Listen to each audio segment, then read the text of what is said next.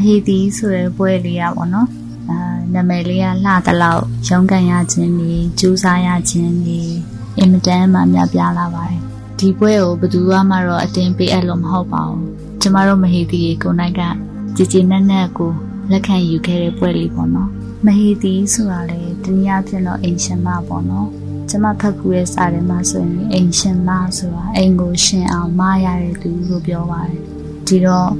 အဲမဟီပီရဲ့တာဝန်အင်မတန်မှအရေးကြီးရပေါ့နော်အထက်ကအပြင်ပြောရမယ်ဆိုလို့ရှိရင်တော့အာအမျိုးသားတွေခြေမများဖို့သားသမီးတွေလမ်းမမားဖို့အတွက်ကျမတို့မဟီပီမှာအများကြီးတာဝန်ရှိရပါတော့အိမ်အောင်သားရဖို့အတွက်မဟီပီရဲ့အဓိကတာဝန်ပေါ့လေ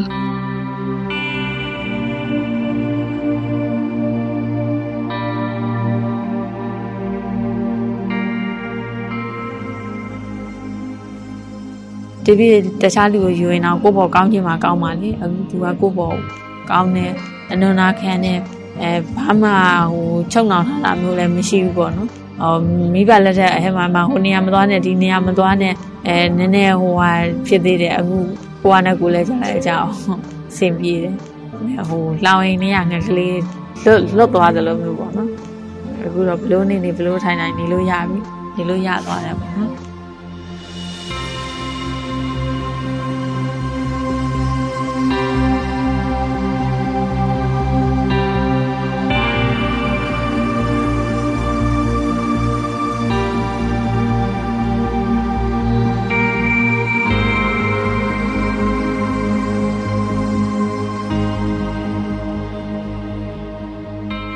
င်္ဂလာပါခင်ဗျာမင်္ဂလာပါရှင်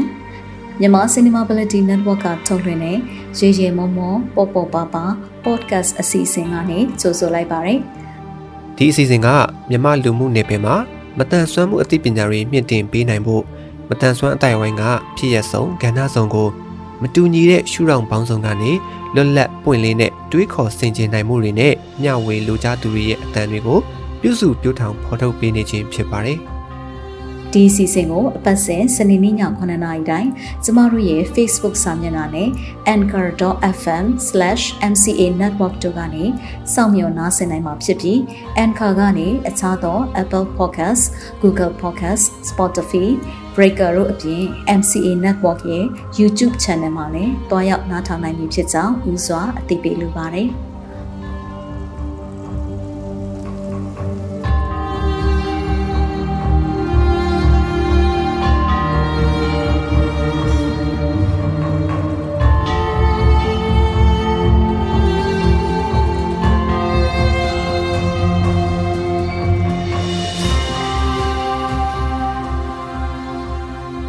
ဒီပတ်မှာအသစ်ထမှန်တင်ဆက်သွားမယ်။မဟေတီတို့ရဲ့စကားသံအစီအစဉ်ကတော့မတန်ဆွမ်းလူမှုအတိုင်းဝန်ကတန်ဆွမ်းသူအမျိုးသားနဲ့လက်ထပ်ထားတဲ့မတန်ဆွမ်းသူဇနီးသည်တွေဖြစ်စီမတန်ဆွမ်းအမျိုးသားနဲ့လက်ထပ်ထားတဲ့တန်ဆွမ်းသူဇနီးသည်တွေဖြစ်စီဇနီးခင်ပွန်နှစ်ဦးစလုံးမတန်ဆွမ်းအိမ်တော်ရှင်တွေပဲဖြစ်စီပါဝင်နိုင်မှာဖြစ်ပြီးတော့အလှည့်ကျမဟေတီနှစ်ဦးစီကနေသူတို့ရဲ့ရင်ဖွင့်မျှဝေမှုတွေကိုတင်ဆက်ပေးသွားမှာဖြစ်ပါတယ်။ မဟေတီဆိုတာပါဠိစကားဖြစ်ပြီးတော့အလွာအသီးသီးကဇနီးတဲ့အမျိုးသမီးတွေကိုကိုစားပြုပါတယ်။မြတ်စွာဘုရားဟောကြားခဲ့တဲ့ဇနီးဘတ်တွေကအစဒီနေ့ခေတ်ထိမျိုးမျိုးသောကဏ္ဍတွေအတွက်မဟေတီဆိုတဲ့စကားလုံးကိုအသုံးပြုလာခဲ့ကြတာမိတ်ဆွေတို့လည်းသတိထားမိမယ်ထင်ပါတယ်။ရှေးခေတ်မြမယဉ်ကျေးမှုထုံးတမ်းစင်လာတွေအရခေါ်ဝေါ်တတ်တဲ့အကမဟေတီတတ်ထားဒေဝီမဟေတီမိဘရဲ့ခေါတောင်ညာဆန်တောင်နန်းဆန် အစရှိတဲ့သုံးလုံးတွေဟာဗုဒ္ဓဘာသာထုံးနှံစင်လာအရာဆိုရင်တော့သီနန်းဆိုးဆန်အုပ်ချုပ်တဲ့ဘယင်နဲ့ဗိသိက်အတူခံဘက်မိဖုရားကြီးကိုဆိုလိုတာဖြစ်ပါတယ်။ဒါကြောင့်လေရိုးရာရင်ကြီးမှုကိုအလေးထားတဲ့အိမ်တော်ရှင်တွေကမင်္ဂလာဆောင်တဲ့အခါဗိသိက်မြောက်တဲ့အခမ်းအနားကိုဂုဏ်ယူကျင်းပလိရှိတာမြင်ဘူးကြမှာပါ။တခါကျမတို့လိုခရိယန်ထုံးနှံစင်လာအရာဆိုရင်တော့လူရှိဖျားရှိမှာဂုံတရီရှိရှိအတိမတ်ပြုလက်ထပ်ထားသူဇနီးမယားတွေကိုဆိုလိုတာပဲမဟုတ်ပါလား။ ဒီနေ့ခေတ်မှာတော့မဟေတီဆိုတဲ့စကားလုံးဟာရုပ်ရှင်ကားနာမည်ပဲဖြစ်စေမဂ္ဂဇင်းနာမည်ပဲဖြစ်စေအမျိုးသမီးအလှပြင်ဆိုင်ပဲဖြစ်စေအမျိုးသမီးအသုံးဆောင်ဆိုင်တွေပဲဖြစ်စေ။အိုးနောက်ဆုံးအမျိုးသမီးတယောက်ယောက်ရဲ့နာမည်လည်းဖြစ်နေနိုင်တာပါပဲ။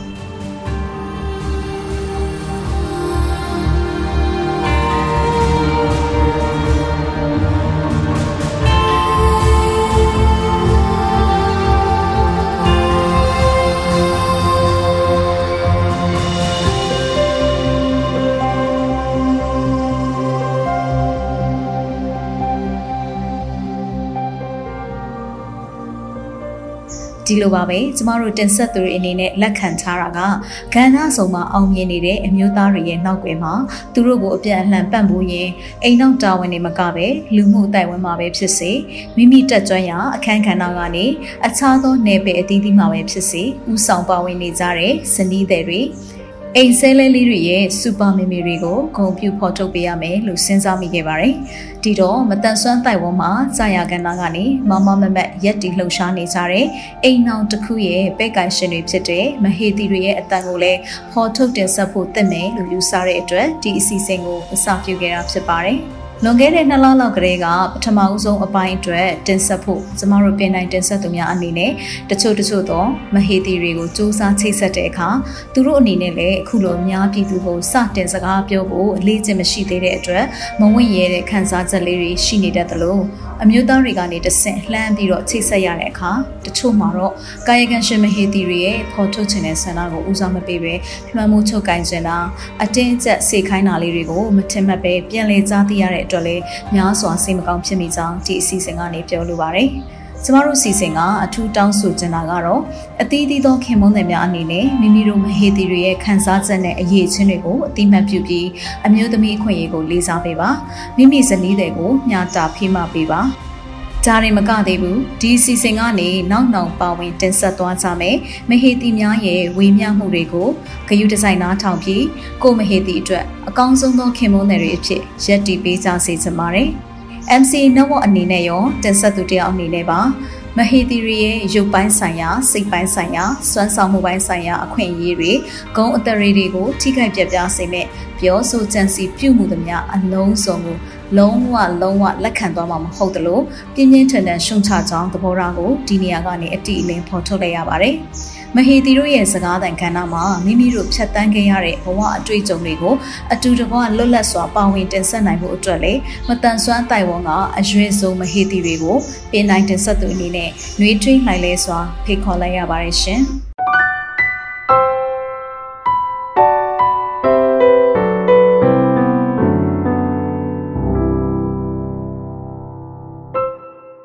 ကျမနာမည်ခိုင်နေသမီးဖြစ်ပါတယ်ကိုယ်ကမတန်ဆန်းနေကိုချောင်းဝဲစနီးဖြစ်ပါတယ်ကျမတို့မယူခင်ပေါ့နော်ကျမတို့စပြီးတော့ကြိုက်ခါတာအချိန်တော့ပေါ့နော်သူနဲ့ကိုနေရအပြင်မှာမမြင်ဘူးသေးဘူးဖုန်းထဲမှာစတွေ့ခဲ့တာပေါ့နော်ဖုန်းထဲကနေစတွေ့နေနောက်ပိုင်းအချိန်ကြာလာတော့အပြင်မှာတွေ့ခဲ့တယ်ပေါ့နော်တွေ့ခဲ့တယ်အဲနောက်ပိုင်းကျတော့အိမ်ရမိဘတွေကိုလည်းဖွင့်ပြောခဲ့တယ်ပေါ့နော်ဒီလိုဒီအကြောင်းဆိုပြီးဖွင့်ပြောခဲ့တယ်ဟောအိမ်ရလူတွေကလည်းမခံဘူးပေါ့နော်လက်မခံဘူး လက်မခံဘူးဖြတ်ဖို့ပြောခဲ့တာပေါ့နော်အဲ့တော့ကတော့အိမ်ကိုညာခဲ့တယ်ပေါ့နော်ပြပြီးဆိုပြီးတော့ညာခဲ့တယ်ဒါပေမဲ့အိမ်ကလူတွေကအင်္ဂါလူတွေကတော့တကယ်မှတ်တာပေါ့နော်နောက်ပိုင်းလည်းကြားကြအောင်ဟောကြားလာတော့သိရောသိလည်းသိရောဒီဟေးတော့ပြောတာပေါ့နော်ပြောလို့မရတဲ့အဆုံးလည်းကြားလည်းကြားအောင်ဖုန်းဖုန်းတွေပါသိနေရလို့ဘာလို့ဖြစ်လာပေါ့နော်အဲ့ဒါနဲ့ပဲစိတ်က စိတ်ကတော့နည်းနည်းတော့ညစ်သွားတာပေါ့နော်အဲ့ဒါနဲ့သူများဖုန်းနဲ့မြားဖုန်းနဲ့အဆက်အသွယ်လုပ်တယ်မြားဖုန်းနဲ့အဆက်အသွယ်ဟဲလိုပါများလာတော့မောင်လေးကပြီးတော့လမ်းမှာတွေ့ရင်အဲ့လိုမျိုးတွေ့ဖုန်းဆက်နေတာတော့ဘာလို့တွေ့ပေါ့နော်အတင်းဆွဲခေါ်နေဘာလို့ထားလဲဘလို့ဘာညာနဲ့ပြောပြီးတော့အဲ့လိုနောက်ပိုင်းအရင်တီးသွားတော့အရင်တီးတော့တပူညီလောက်တာပေါ့နော်အဲ့ လိုမျိုးဖုန်းလည်းအဲ့လိုမျိုး၄၅6ရက်လောက်သိနေပေါ့နော်သိနေပြီးရင်ပြန်ပေးတယ်အဲ့လိုမျိုးပြန်အမီညာဘက်မဲပဲနဲ့အဲ့လိုမျိုးဖုန်းတွေပါပြောနေတာတွေ့ရင်အဲ့ဒါဆိုရင်ဖုန်းပြန်သိရောအဲ့လိုနဲ့ကြားလာတော့စိတ်ကညစ်တာဘဲမှလည်းမသွားဘူးလေဘဲအပေါင်းအသင်းခေါ်ခေါ်မသွားဘူးဟိုအဲ့လိုမျိုးအပေါင်းအသင်းနေနဲ့သွားရင်ကြာရင်လည်းအင်ရပြောတယ်မို့နော်သမီးမိတ်ကလေးမွေးထားတော့လည်းမိသားဆိုတာကတော့စိတ်ပူတာပေါ့နော်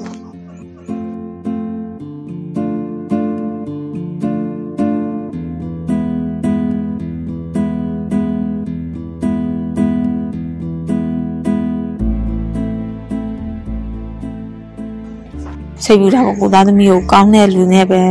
ဖြစ်စေခြင်းနဲ့ကိုသားသမီးကိုအမြင့်ရောက်စေခြင်းနဲ့မိဘကြီးပဲလေအဲအကိုကလည်းမရဘူးအဲ့ဒါနဲ့ပဲနောက်ပိုင်းကျတော့ကိုတင်းကျပ်တာများနေလာတယ်လားကိုလည်းသူ့နောက်လိုက်ခဲ့ပေါ့နော်သူ့နောက်အနေနောက်လိုက်ငါလာကော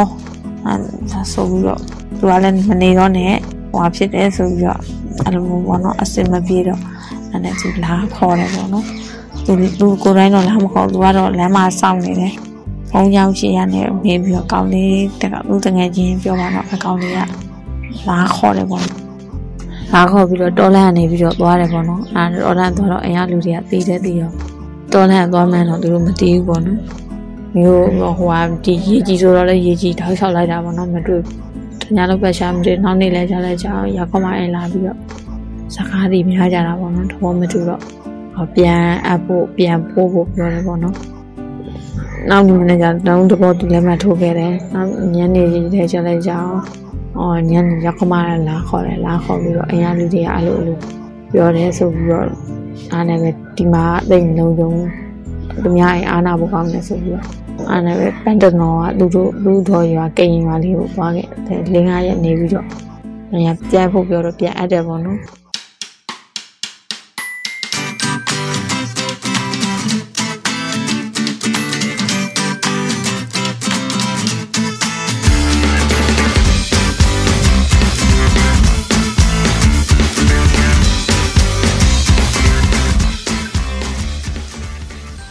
မင်္ဂလာဆောင်ပြီးတော့လည်းပြန်အပ်ပြီးတော့လည်းကိုသားသမီးကိုနှမျောတာပေါ့နော်အကောင်လုံးကလည်းရွာတွေကလူတွေကလည်းနှမျောကြတာပေါ့နော်အော်အပြိုတော်မဖြစ်သေးဘူးငငယ်လေးရှိသေးတယ်ဆိုတော့အဲ့ချိန်မှာတော့လူတွေကတော့ဝေဖန်မှာပေါ့နော်ဟောဘယ်လိုနေဟိုလူယူပါလားဒီလူယူပါလားအဲ့လိုမျိုးပြောတဲ့လူကတစ်မျိုးပေါ့နော်ဟိုလူယူတာမှတော်သေးတယ်ဒါပေမဲ့သူ့ကိုယူလို့လဲဒုက္ခကြီးရောက်မသွားဘူးအခက်ခဲတော့အခက်ခဲလဲတရားကြီးလဲခက်ခက်ခဲကြီးလဲဖြစ်မသွားဘူးပေါ့နော်အ များနဲ့တန်းလူတော့အစာပိုင်းမှာအခက်ခဲရှိပေနဲ့နောက်ပိုင်းကျတော့လည်းအဆင်ပြေပါတယ်ဒီပြတခြားလူကိုယူရင်တော့ကိုယ့်ဘောကောင်းချင်မှကောင်းပါလေအခုသူကကိုယ့်ဘောကောင်းတယ်အနန္နာခံတယ်အဲဘာမှဟိုချုပ်နှောင်ထားတာမျိုးလည်းမရှိဘူးပေါ့နော်ဟောမိဘလက်ထက်အဲမှာမှာဟိုနေရာမသွားနဲ့ဒီနေရာမသွားနဲ့အဲနည်းနည်းဟိုဟာဖြစ်သေးတယ်အခုကိုကနဲ့ကိုလည်းကြားလိုက်ကြအောင်အဆင်ပြေတယ်ဟိုလောင်ရင်နေရငကလေးလွတ်လွတ်သွားတယ်လို့မျိုးပေါ့နော် အခုတော့ဘလို့နေနေဘလို့ထိုင်ထိုင်နေလို့ရပြီနေလို့ရသွားတယ်ပေါ့နော်သူသူအိမ်ကလူတွေကလည်းအစားပိုင်းတော့သူစိတ်ဓာတ်ကိုမတီးဘူးပေါ့နော်နောက်ပိုင်းကျတော့သူစိတ်ဓာတ်ကိုဟိုတီးလာတော့တီးလာတော့သားသမီးတယောက်လိုကိုသားသမီးကိုကောင်းမှန်းအဟတီးတော့သူတို့လည်းအဲစိတ်ချမ်းသာတာပေါ့နော်ပြီးတော့ဟိုကိုပေါ့အနန္နာအနစ်နာခံနေအဲပြီးတော့လည်းဟိုဘယ်လိုပဲဖြစ်ဖြစ်အဆင်ပြေအောင်လှုပ်ကြွေနိုင်တယ်ပေါ့နော်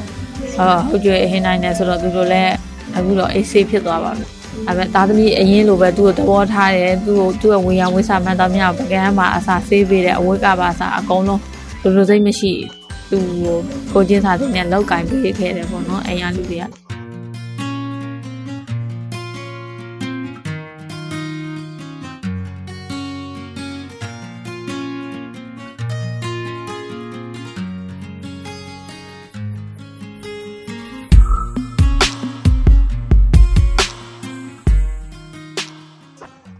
ပိုင်းမင်္ဂလာဆောင်ပြီးတော့ပေါ့နော်ပိုတဲ့ပတ်စံလေးနဲ့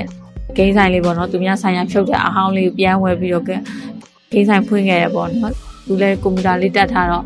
အဆင်ပြေတာပေါ့ကိုယ်ကကွန်ပျူတာတက်အဟတ်ထားတော့တချင်ခုအခွေကူးလေးရတယ်လို့သိတယ်အဲရလာတဲ့ပတ်စံလေးတွေကိုစုတယ်ရဟတ်လာတဲ့ပတ်စံလေးနဲ့နောက်ပိုင်းအထဲလေးတွေလည်းရင်းခဲ့ရတယ်ပေါ့နော်အထဲလေးလည်းယူဟောင်းဖူးတယ်အဲနောက်ပိုင်းကျတော့ဂိမ်းဆက်တွေကလည်းပြတ်တယ်ဂိမ်းဆက်တွေကလည်းပြတ်တော့အဆင်မပြေတော့ဘူးပေါ့နော် အရင်လိုလဲဝင်ငွေလဲတိတ်မရတော့ဘူးရတဲ့ပတ်စံလေး3 4တောင်ဒီနေ့မှ3 4တောင်ဒါလေးကိုစူဆောင်ပြီးရတဲ့ပတ်စံလေးညနေပဲအဟကြရင်လောက်3 4တောင်လောက်ရလဲအဲ့တော့မှတော့ပြောနေတာပါတော့ခလေးလည်းမရှိဘူးညာကသာဆိုတော့ဘာအပူဘေးမှလည်းမရှိတော့အဲ့လိုပဲနေခဲ့ပါတော့နောက်ပိုင်းခလေးလည်းကိုဝင်လဲရအားလဲလာလဲလာအောင်စက်တရားလည်းပြက်အဆင်မပြေဘူးပေါ့နော်ဒီနေ့ကို3 4တောင်လေးကို3 4တောင်လေးကိုစုပြီးတော့ OB မြန်ဝယ်ဖို့ပါပေါ့နော် အဲ့လိုမျိုးခလေးအတွက်လိုတာလေးတွေဝယ်ဖို့အဲ့လိုမျိုးစုဆောင်းပြီးတော့နေခဲ့ပေါ့နော်ခလေးမွေးကနေအချိန်မှာပဲအဲဆောင်းမောက်ကလေးအဲ့ကိန်းဆိုင်လေးကိုဖြုတ်ပြီးဆောင်းမောက်ကလေးတွေထောင်းခဲ့တယ်ပေါ့နော်ဆောင်းမောက်ကလေးတွေခုံလေးတွေထောင်းခဲ့တယ်အဲ့ဒါလေးနဲ့ပဲလာဟပ်ပြီးနောက်ပိုင်းကျရလာတဲ့ပတ်စံလေးကိုစုဥဆောင်ပြီးတော့ခန္ဓာလေးဝယ်တယ်ကဲမိဆက်ကလေးဝယ်ဝယ်ပြီးဖြည့်ခဲ့တယ်ပေါ့နော်ဖြည့်ခဲ့ပြီးအဲ့တော့တော်တော်လေးလည်းအဆင်ပြေခဲ့တယ်ပေါ့နော်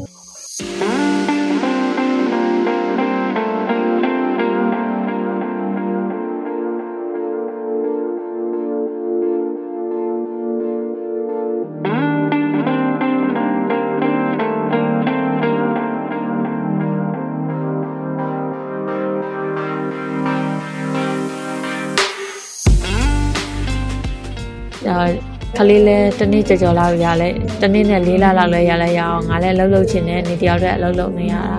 နောက်ကြတော့ခလေးရှိရေးရှိသေးတယ်သာသမီရလာပြီဆိုတော့အာအဲ့ဒါနဲ့ပဲအလုပ်လုပ်ရှင်က तू ကမလုပ်နဲ့နင်ငါ့ယူလို့အလုပ်လုပ်ရတယ်လို့ပြင်းပြင်းမမလုပ်ရတယ်လို့ဖြစ်မယ်မလုပ်နဲ့ဆိုပြီး तू ကပြောတယ်အေးမရဘူးငါအလုပ်လုပ်မှာငါအလုပ်လုပ်မှာဖြစ်မယ်ဆိုပြီးတော့အဲ့ဒါနဲ့ပဲ အဲဒီသူကအလုပ်ရှာပေးခဲ့တယ်ပေါ့နော် MPD အတိုင်းကြောင့်က MPD ရုံးမှာအလုပ်ရခဲ့တယ်ပေါ့နော်အလုပ်ဟုတ်ရတော့သူပဲအဖို့ကျူကိုကဆိုင်ကမမောက်တတ်တော့သူအဖို့ကျူလိုက်လုပ်ပေးတယ်အဖို့ကျူလိုက်လုပ်ပေးတယ်ပေါ့နော်သူလည်းအလုပ်ပြတ်တာပေါ့တချို့အဟိုဟာတွေဆိုရင်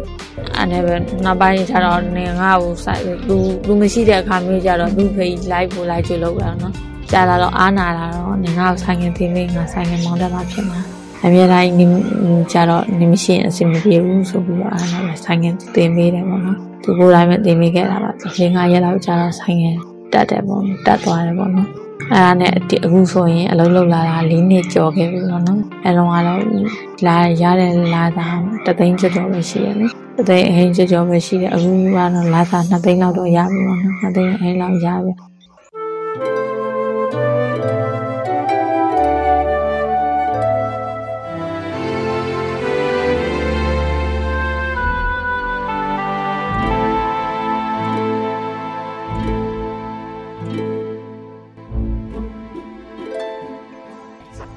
တဝက်စုတဝက်စားနဲ့ပြရတဲ့ဟာလေးတွေစုဆောင်ပြီးတော့ခြံလေးတွေဝဲတယ်ခြံလေးဝဲတယ်အခုဆိုရင်အိမ်လေးစောင့်တော့မယ်ပေါ့နော်ဒီနေ့ဆိုရင်ပေါ့နော်သမီးလေးကငါးနှစ်ကျော်ပြီးတော့ကျောင်းတက်ကားတော့မယ်ပြီးတော့ကိုအိမ်နဲ့ကို channel လည်းနေရတော့မယ်ပေါ့နော်ပြီးတော့အခုလုပ်နေတဲ့စပြစီလုပ်ငန်းလေးကလည်းအဆင်ပြေတယ်ပေါ့နော်။ကျောင်းရတယ်။အခုကျတော့ရေကြီးမြို့နဲ့ကပ်နေတဲ့မြို့တွေအဲကြွားတွေရတော့တော်တော်မှာကြတယ်ပေါ့နော်။ ပြီးတော့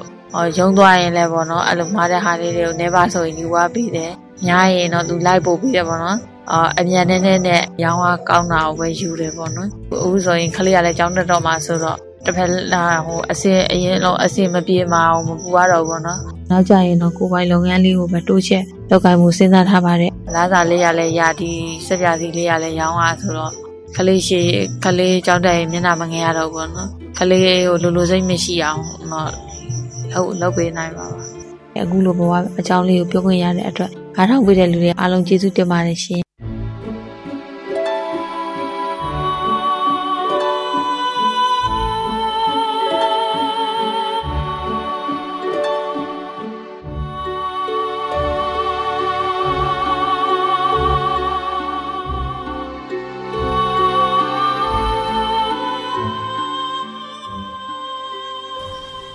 ဟုတ်ကဲ့အားလုံးပဲမင်္ဂလာပါရှင်။ရေရေမောမောပေါ့ပေါ့ပါပါအစီအစဉ်ရဲ့မဟေတီများရဲ့စကားသံကဏ္ဍမှာပါဝင်ရတဲ့အတွက်အထူးပဲဝမ်းသာမိပါတယ်။ကျမကတော့အမြင်အာရုံတန်ဆွမ်းသူနန်းပိုင်ပိုင်ပါ။ကျမရဲ့အမျိုးသားလည်းအမြင်အာရုံတန်ဆွမ်းသူပေါ့နော်။ကိုထွေးပိုင်ဖြစ်ပါတယ်။ကျမတော့ကိုထွေးပိုင်ရဲ့မဟေတီပေါ့နော်။ကျမအနေနဲ့ဒီကိုယ့်ရဲ့ family life လေးကိုဘယ်လိုအဲလမ်းကြောင်းလေးနဲ့တွားနေတယ်။ အာ relationship ကိုဘယ်လိုတွားနေရဲဆိုတာလေးကိုအနေငယ် sharing လုပ်ချင်ပါတယ်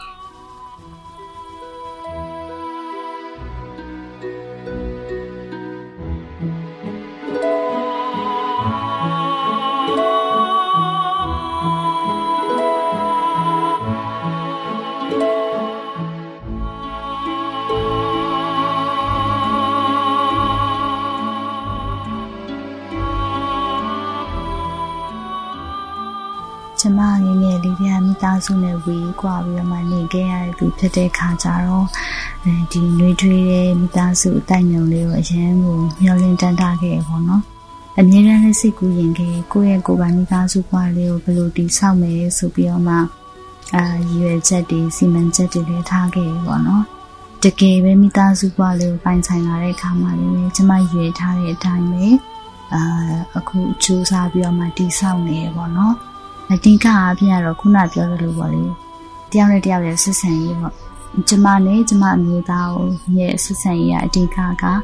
တယောက်နဲ့တယောက်အပြန်အလှန်ပေါ့နော်အဲလေးစားမှုထားတယ်ပေါ့နော်စကားပြောလို့ရှိရင်လည်းအမြဲတမ်းဟိုအေးအေးဆေးဆေးနဲ့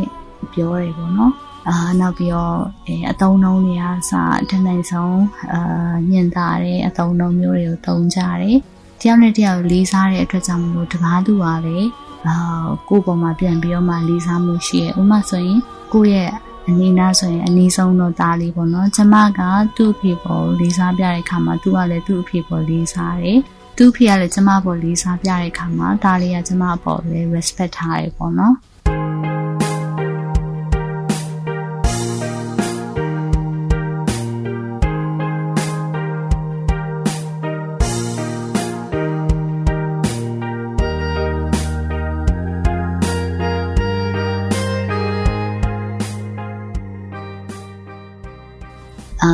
ပဲပေါ့လေအဲဆက်ဆံရေးမှာအဲ့လိုမျိုးနွေးနွေးထွေးထွေးနဲ့အာလီလီဆဆာနဲ့ထားသလိုပဲအပြန်လည်းယုံကြည်မှုလည်းထားတယ်ပေါ့နော်အာဘုံမင်းလင်းပြောပြရမယ်ဆိုလို့ရှိရင်ကျမတို့နှစ်ယောက်အာကျမတို့နှစ်ယောက်တယောက်ရဲ့ဖုန်းကိုတယောက်ကယူကြည့်ရမျိုးတို့တယောက်အကောင့်တွေကိုတယောက်ဝင်ကြည့်ရမျိုးတို့အဲ့လိုမျိုးမသိငါမျိုးတွေလည်း အာမရှိကြဘူးပေါ့နော်အာပြီးလို့ရှိရင်အဲသူ့ဖုန်းလိုင်းကျမကင်တာမျိုးလည်းမရှိဘူးပေါ့နော်ကျမဖုန်းလိုင်းသူကင်တာမျိုးလည်းမရှိဘူးပေါ့လေကိုကို personal နဲ့ကိုနေကြတယ်ပေါ့နော်ကို personal နဲ့ကိုနေလို့အာတယောက်နဲ့တယောက်လျှို့ဝှက်သလားဆိုတော့လည်းမဟုတ်ဘူးပေါ့နော်အာတယောက်နဲ့တယောက်ပုံပွင့်လင်းလင်းရှိတယ်တခုခုဆိုရင်တယောက်နဲ့တယောက်အမြဲတမ်းပြောပြနေတဲ့အတွက်ကြောင့်မို့လို့ လျှို့ဝှက်စရာအကြောင်းလည်းမရှိသလိုတယောက်ရဲ့ personal လည်းတယောက်ကဝင်မဆွတ်ဘူးပေါ့နော်အဲ့လိုမျိုးအကိုစီဒီနဲ့ကိုနေကြတယ်တယောက်နဲ့တယောက်လည်းယုံကြည်မှုထားကြတယ်ပေါ့နော်ဒါဟာလည်းအာဒီအိမ်အောင်သားရဖို့အတွက်အာကျွန်မထင်တဲ့အတင်ကလိုအပ်ချက်ပေါ့နော်ခုနပြောလို့အပြန်အလှန်လေးစားမှုလည်းလိုတယ်ယုံကြည်မှုလည်းလိုတယ်ပေါ့နော်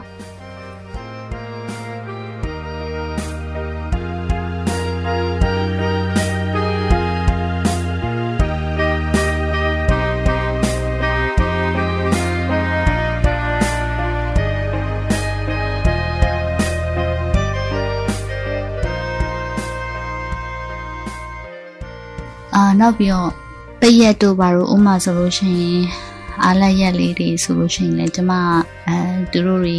စားချင်တာသူတို့ကြိုက်တတ်တာလေးတွေကိုဝယ်ကျွေးတာထက်ပေါ့နော်ကိုဘကိုချက်တက်အောင်ကြိုးစားတယ်အာကိုဘကိုလှုပ်တက်အောင်ကြိုးစားပြီးတဲ့အခါမှာဒီပိတ်ရက်လေးမမီသားစု preparation ရှင်နဲ့အဲချက်စားဖြစ်တယ်သူတို့ကြိုက်တာလေးတွေကိုမှတ်ထားပြီးတော့မှကျမအာဒီလိုမျိုးကိုယ်တိုင်ချက်ပြုတ်ကြည့်ရဲ့အခါကျတော့ အာမိသားစုမှာလည်းပို့ပြီးတော့မှပျော်ရွှင်မှုကောင်းသလိုအဲအပြင်ကအစားအစာတွေကိုလည်းဝယ်မစားဖြစ်တော့ဘူးပေါ့နော်နောက်တစ်ခုကကျတော့တယောက်နဲ့တယောက် appreciate လုပ်တာပေါ့နော်အာသူတို့ကြိုက်တာလေးကိုကျမကလုပ်ပြီးရချက်ပြီးရဆိုလို့ရှိရင်ပြောကြရပေါ့နော်တသားဆိုလို့ရှိရင်လည်းအာ my mommy is the best ဆိုပြီးအဲ့လိုမျိုးပြောရပေါ့နော် သူ့အဖေဆိုလို့ရှိရင်လည်းမမီကျေးဇူးတင်တယ်နော်အရန်စားလို့ကောင်းတာပဲဒီလိုမျိုးလေးအဲချက်ပြုတ်ကြွေးရဆိုပြီးတော့ပြောရဲပေါ့နော်အဲကျမကလည်းပဲအဲတခုခုဆိုလို့ရှိရင်တကယ်ကျေးဇူးတင်ပါတယ်တသားရေးမမီကိုအဲဒီလိုလုပ်ပြီးရတဲ့ကျေးဇူးတင်ပါတယ်နော်ဆိုပြီးတော့ကြောင်းတဲ့တယောက်အဲ appreciate လုပ်တဲ့အခါမှာမိသားစုကပို့ပြီးတော့မှနေထွေးရပေါ့နော်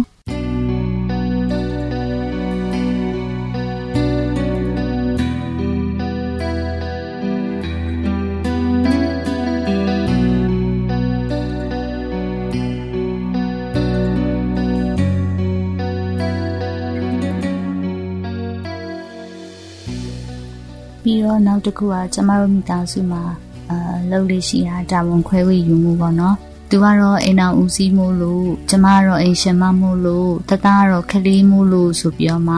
အဲ့လိုမျိုးဟိုဟာကဏ္ဍကြီးခွဲမထားဘူးပေါ့နော်အားလုံးကကိုနိုင်တဲ့ဝန်ကိုယူကြရဲပေါ့နော်ကျမကချက်ပြုတ်တယ်ဆိုလို့ရှိရင်အာတသားရဲ့အဖေကစေးကြောတယ်ပေါ့နော်ပြီးရင်တသားကျတော့ထမင်းလေးစားတော့ပြီးလို့ရှိရင် အာပကံလေးတွေကိုကူသိမ်းပြီးတယ်စသဖြင့်ပေါ့လေအာတာဝန်ခွဲဝေယူမှုကလည်းပဲဒီအိမ်တော်မှာအရန်ကိုဟိုနှွေးထွေးတယ်ပေါ့နော်ဒီလိုတာဝန်ခွဲဝေမှုဒါမရှိဘူးဆိုလို့ရှိရင်အဲတာဝန်တွေကိုသာအတူတူမျှပြီးတော့မှမထမ်းကြအောင်ဆိုလို့ရှိရင်တယောက်ကပဲအရန်ဟိုတာဝန်ကြီးပြီးတော့မှအရန်ပင်ပန်းနေနေအဲဆိုလို့ရှိရင်အိမ်တော်ကလည်းတာယာဖို့မကောင်းဘူးပေါ့နော်ပျော်ရွှင်စရာမကောင်းလို့ကျွန်မခံယူရတဲ့ကြောင့်မလို့ ကိုတာဝန်လေးနဲ့ကိုနိုင်ရနိုင်ရကိုခွဲဝေယူကြရဲပေါ့နော်ဒါကတော့ကျမတို့အဲမိသားစုမှာတွားနေတဲ့ပုံစံလေးပေါ့နော်အနေငယ်မျှဝေခြင်းဖြစ်ပါတယ်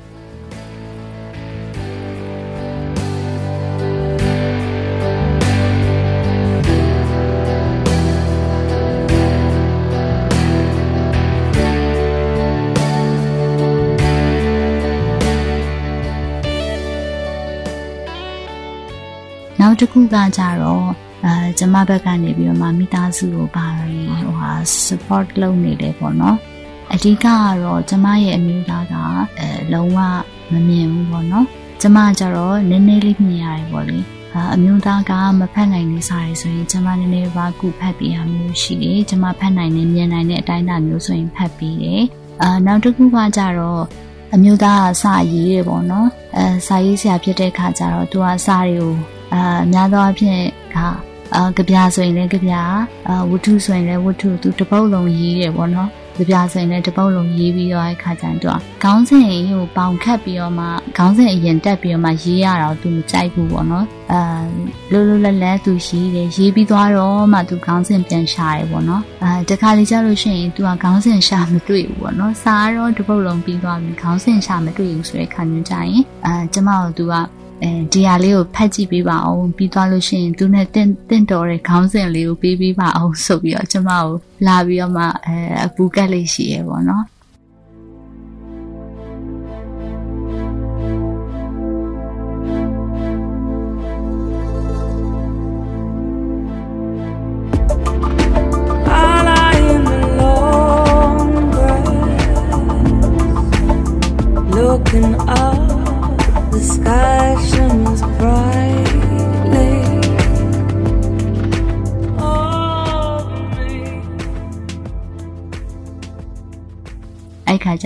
ကျရင်ကျမလည်းကိုညံမိတလောက်လေးပေါ့နော်စဉ်းစားပြီးတော့မှခေါင်းစဉ်လေးတွေကြပြခေါင်းစဉ်လေးများသောအားဖြင့်တော့ကြပြခေါင်းစဉ်လေးပေးပြီးဖြစ်တယ်ပေါ့နော်မမရရအနေနဲ့ပြောရမယ်ဆိုလို့ရှိရင်ဒီကိုရီးယားနိုင်ငံကလုပ်တဲ့ကြပြစာအုပ်ပေါ့နော်အဲ့ကြပြမှာဆိုရင်မြန်မာလူ လဲပါတယ်ကိုရီးယားလူလဲပါတယ်ပေါ့နော်မြန်မာနိုင်ငံမှာရှိတယ်မတန်ဆွမ်းသူတွေစီကစာမှုလေးတွေကိုယူပြီးတော့သူတို့နိုင်ငံမှာရှိတယ်သူတွေနဲ့ပေါင်းပြီးတော့မဒီကြပြစာအုပ်ထုတ်တာပေါ့လေအဲ့ထဲမှာလေကျမအမျိုးသားရဲ့ကြပြအာပါတယ်ပေါ့နော်၄၅ပုတ်လောက်ပါတယ်အာကြပြပဲနှစ်ပုတ်ကိုကျမခေါင်းစဉ်ပြီးခဲ့လေတော့မမှတ်မိဘူးဒါပေမဲ့ ထူးထူးခြားခြားပေါ့နော်အဲ့ထဲမှာကြပြတပုတ်ရဲ့ခေါင်းစဉ်ကတော့စာအုပ်ရဲ့တိုက်တဲ့အထိဖြစ်သွားတယ်ပေါ့နော်ဒါကတော့ကျမတို့နှစ်ယောက်အတွက်အဲပြန်တွေ့လို့ရှိရင်အာတကယ်ကိုပျော်စရာကောင်းတဲ့အမှတ်တရလေးပေါ့နော်သူကကြပြကိုရေးတယ်ကျမခေါင်းစဉ်ကိုပြီးတယ်ပေါ့နော်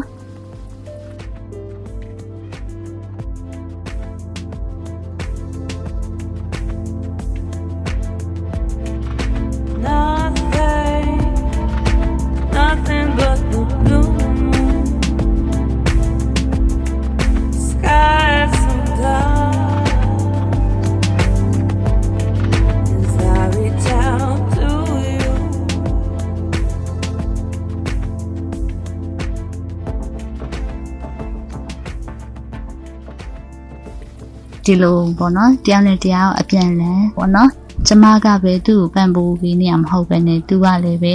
အဲသူနိုင်တဲ့ဝန်သူထမ်းနေကျမကလည်းပဲကျမလုပ်ပေးနိုင်တာလေးတွေကိုလုပ်ပေးရပေါ့နော်ဒါကတော့ကျမအမျိုးသားအတွက်အဓိကအဲ support ပေးဖြစ်နေတဲ့ဟာ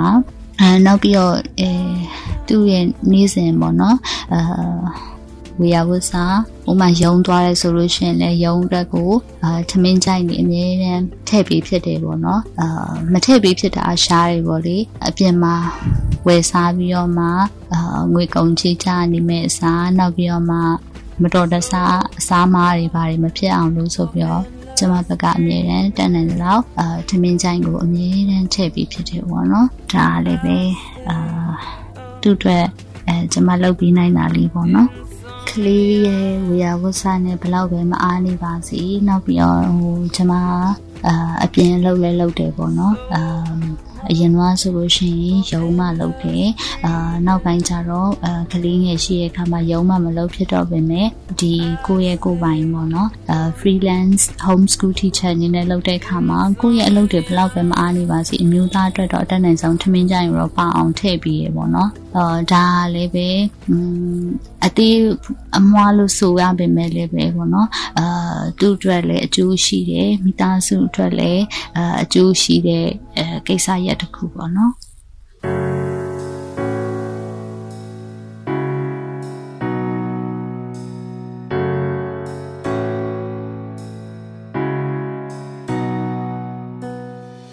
အိမ်တော်ဘောနော်အာကျမဘက်ကပဲပံ့ပိုးတာတွေရွယ်ပြောလို့အာကျမပဲဥဆောင်နေ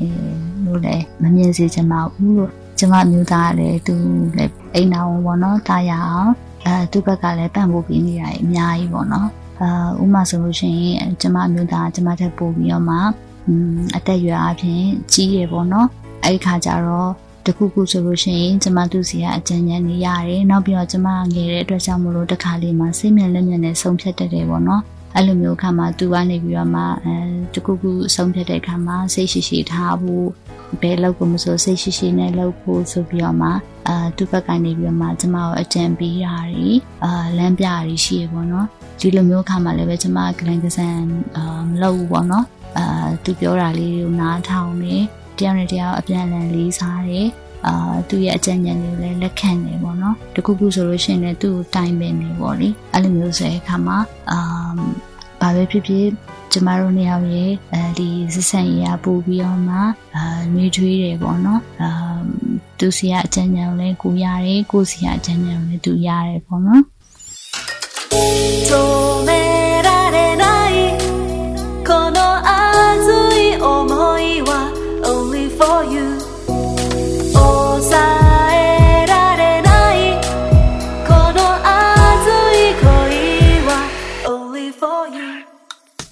ပြီးတော့သသားနဲ့ပတ်သက်ပြီးတော့မှလုပ်ပြီးဖြစ်တာတွေပေါ့နော်အာအရင်အဲကိုဗစ်မဖြစ်ခင်တော့ဆိုလို့ရှိရင်တော့ကျမတို့နှစ်ယောက်လုံးကအာအလုပ်လုပ်တဲ့ခါကျတော့သသားကိုကလေးထိန်ကြောင်းမှာပဲတော့ပို့ထားရတယ်ပေါ့နော်အဲ့ချိန်တော့ဆိုရင်အရင်မဲဟို စိတ်ထိခိုက်တယ်ပေါ့နော်ကိုသားကိုကိုအချိန်မပေးနိုင်တဲ့အတွက်ကြောင့်မပြုစုနိုင်တဲ့အတွက်ကြောင့်မို့လို့ပေါ့နော်အဲစုလဲတောင်းဖြစ်တယ်ပေါ့နော်ကိုကလေးကိုကိုအချိန်ပေးနိုင်အောင်ဆိုအဲ့လိုစုတောင်းနေကြမို့လို့လားမသိအခုဒီကိုဗစ်ကာလမှာအမ် အိမ်မှာနေရင်းနဲ့ပေါ့နော်အဲတခါလေ online ကအလုပ်တွေရှိတယ်ဆိုပေမဲ့လည်းပဲအရင်နဲ့ဆောင်လို့ရှိရင်အာကလေးကိုပို့ပြီးအချိန်ပေးဖြစ်တယ်ပေါ့နော်အဲ့လိုအချိန်ပေးတဲ့အခါမှာကလေးကို English လိုလေးပြောပြီးဖြစ်တယ်အာနောက်ပြီးတော့မှစာဖတ်ပေါ့နော်အဲစာဖတ်တာလေးတွေကိုသင်ပေးဖြစ်တယ်ပုံမြင်လေးတွေကိုပြောပြတယ်နောက်ပြီးတော့ဒီ preschool နဲ့ပတ်သက်တဲ့ဗီဒီယိုလေးတွေကိုပြပြီးတယ်။နောက်ပြီးတော့နေ့စဉ်ဘဝမှာဘယ်လိုနေထိုင်ရမလဲဆိုတာလေးတွေကိုပေါ့နော်။အဲသင်ပြပြီးဖြစ်တယ်ပေါ့နော်။ပြီးတော့ကလေးနဲ့အဲအရင်တော့အချိန်မပေးခဲ့နိုင်ကြများတယ်အခုကလေးကိုအာဘယ်လောက်ချစ်ကြောင်ပေါ့နော်။အဲတနေ့တနေ့ပြောပြပြီးတော့အာသူ့ကိုမေတ္တာပြရဲပေါ့နော်။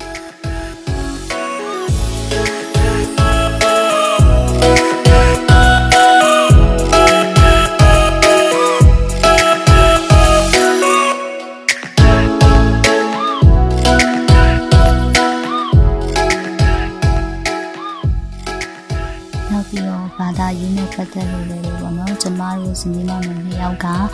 ဖရာတရားကိုအချိန်ပေးတယ်အာကိုပြတဲ့အခါမှာခလေးရလေးပဲတခုခုဆိုရင်ဟောဖရာတရားကိုအာကိုရပေါ့နော်သူ့လည်းပဲဒီအဲသမာကျမ်းစာတွေသင်ပြီးဖြစ်တယ်အာနောက်ပြီးတော့မှဒီ church တွေကိုပို့ပြီးရအာနောက်ပြီးတော့အိမ်မှာနေတဲ့ခါကြလို့ရှိရင်လည်းဒီဘာသာရေးနဲ့ဆိုင်တဲ့အာပုံပြင်တွေပြောပြပြီးတော့မှ သူ့ကိုလည်းဆုံးမတယ်ပေါ့နော်ဘာသာရေးအဆုံးမတွေအခုတည်းကသူ့ရဲ့အာနှလုံးသားထဲမှာစီစဉ်နေအောင်လို့တင်ပြပေးဖြစ်တယ်ပေါ့နော်ဒီလိုအမျိုးသားအတွက်ကြီးပဲသားအတွက်ကြီးပဲအချိန်ပေးနေလို့ကိုယ့်အတွက်ကိုဘာမှမလုပ်ဖြစ်တော့ဘူးလားဆိုတော့လေအဲ့လိုလည်းမဟုတ်ဘူးပေါ့နော်ကျမအရင်တော့ရီမန်းချက်ထားခဲ့တဲ့အားလေးနဲ့ပတ်သက်တဲ့တနန်းတွေပေါ့နော်အခုဆိုရင်ကိုဗစ်ကာလလေးဖြစ်တယ် အာအချိန်ကြီးခက်ခဲမျိုးမျိုးကြောင့်အိမ်မှာနေရတဲ့အခါမှာအွန်လိုင်းကနေသင်တန်းပေးလို့ရတာတွေဆိုရင်ပြီးတယ်။အွန်လိုင်းနေစာသင်လို့ရတဲ့အာရရဆိုရင်လုပ်တယ်။တကယ်လို့အင်တာနက်အခြေအနေမကောင်းဘူးဆိုရှင်လည်း ကိုယ့်အကိုပေါ့နော် self study အာလေ့လာလို့ရတဲ့ဟာတွေကိုလေ့လာရဲ။အမ်နောက်ပြီးတော့မှဒီ application တွေကနေပြီးတော့မှသွားပြီးတော့မှ learning ပေါ့နော်။အာ certificate ရအောင်လုပ်လို့ရတဲ့သင်တန်းမျိုးတွေအာကျွန်မစိတ်ဝင်စားတဲ့ဟာတွေဆိုလို့ရှိရင်လည်းဒီနေ့ဒီနေ့ပေါ့နော်အချိန်ပေးပြီးတော့မှလေ့လာတယ်အာနောက်ပြီးတော့မှ language နဲ့ပတ်သက်လို့လည်းပဲအာကျွန်မက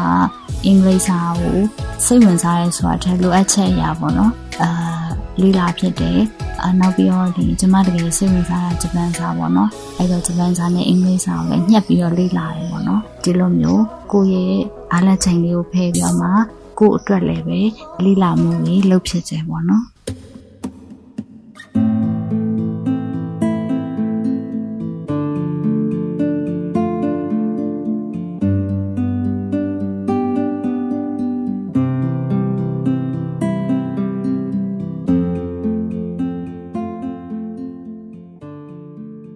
ဒီလိုမျိုးမိသားစုကိစ္စကိုယ့်ရဲ့ပညာဗဟုသုတလေးလာတဲ့ကိစ္စတွေနဲ့ပဲအကောင်းမဖော်နိုင်အောင်ဖြစ်ပြီးတော့မှတွေးခေါ်တွေအယူဆတွေညှဉ်းနှွမ်းပြီးတော့ပေါ့နော်ဘဝကြီးကပြင်ပန်းနွမ်းနေနေရမျိုးကိုလည်းမဖြစ်အောင်လို့ကိုကိုကိုလည်းပေါ့နော်တက်နိုင်ဆောင်အမြဲတမ်းလန်းဆန်းနေအောင်ပြင်ပြင်စင်စင်ပေါ့နော် အမျိုးသမီးတယောက်ဖြစ်တဲ့အခါမှာအလားပါလည်းကြိုက်တဲ့အခါမှာအလားပါပါနေဖြစ်အောင်ကြိုးစားတယ်အာနောက်ပြီးတော့များသောအားဖြင့်အဲပြောတတ်ကြရဲ့အိမ်တော်ကြပြီးတော့မှအာခလေးရပြီဆိုလို့ရှိရင်အဲမျိုးသမီးတွေက weight တွေတက်တယ်ပေါ့နော်ကိုယ်ကိုလည်းအဲ့လိုမျိုးပေါ့နော်ဒါကတော့ထည့်ပြောတာပေါ့လေ weight မတက်အောင်လို့လည်းပဲအာထင်းထင်းထင်းထင်းနေဖြစ်တယ်ပေါ့နော်အာ weight တက်တဲ့ခါကျတော့ကိုယ်လည်းပဲအာနေရတာ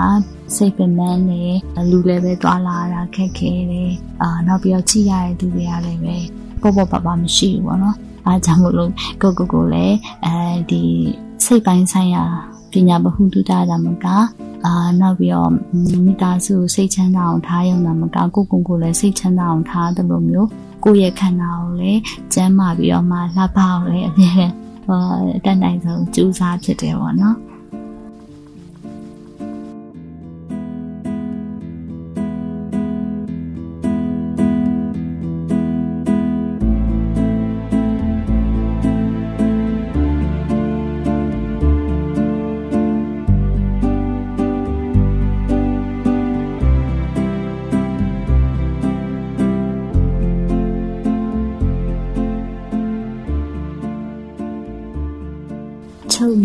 ရမယ်ဆိုလို့ရှိရင်တော့ကိုကိုကိုလည်းပဲ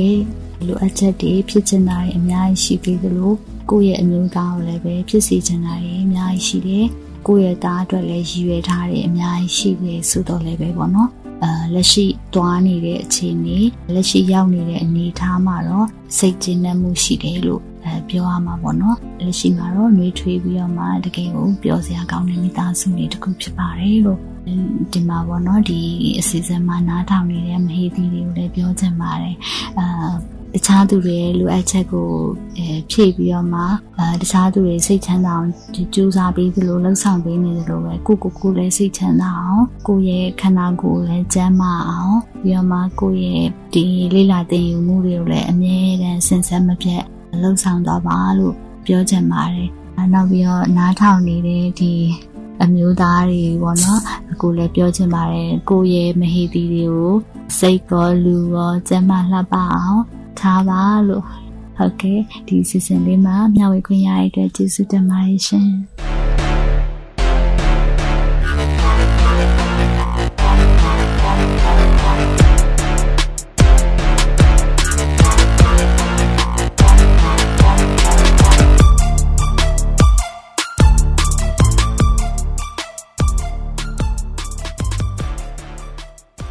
ယခုအစီအစဉ်ကိုမိတ်ဆွေတို့အနေနဲ့အစအဆုံးနားထောင်ပြီးပြီဆိုရင်တော့မိမိတို့ရဲ့သဘောထားမှတ်ချက်များကို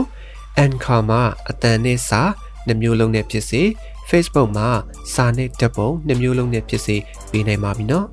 ဒီစီစဉ်နဲ့ပတ်သက်ပြီးမိတ်ဆွေတို့ရဲ့မှတ်ချက်ပေးခြင်းအကြံဉာဏ်ပေးခြင်းမေးမြန်းခြင်းတို့ကိုလည်းအထူးပဲဖိတ်ခေါ်ပါရစေမိမိတို့ရဲ့ပူပေါင်းတင်ဆက်မှုအတွက်ဒါမှမဟုတ်စုံစမ်းမေးမြန်းမှုအတွက်စိတ်ဝင်စားတဲ့ဆိုရင်တော့ myanmarcinemaability@gmail.com ဒါမှမဟုတ်တင်ဆက်သူများရဲ့ Viber နံပါတ်များဖြစ်တဲ့ကိုပြည့်39 26 125 6493နဲ့မနွေ39 453939 6935တို့ကိုဆက်သွယ်ဆောင်ရွက်နိုင်ပါတယ်။ မိတ်ဆွေတို့အနေနဲ့ဒီစီစဉ်ကိုမသိသေးသူများသိဖို့လိုအပ်နေသူများမတန်ဆွမ်းရေးကိုမိမိတို့ရဲ့လုပ်ငန်းခွင်အသီးသီးမှာထည့်သွင်းဆောင်ရွက်ဖို့စိတ်ဝင်စားသူမြည်သူကိုမဆိုထပ်ဆင့်ဝေမျှပေးရင်သတင်းကောင်းပေးနိုင်ပါတယ်။မြန်မာပြည်သူပြည်သားများအားလုံးမတန်ဆွမ်းမှုအသိပညာတွေတိုးပွားက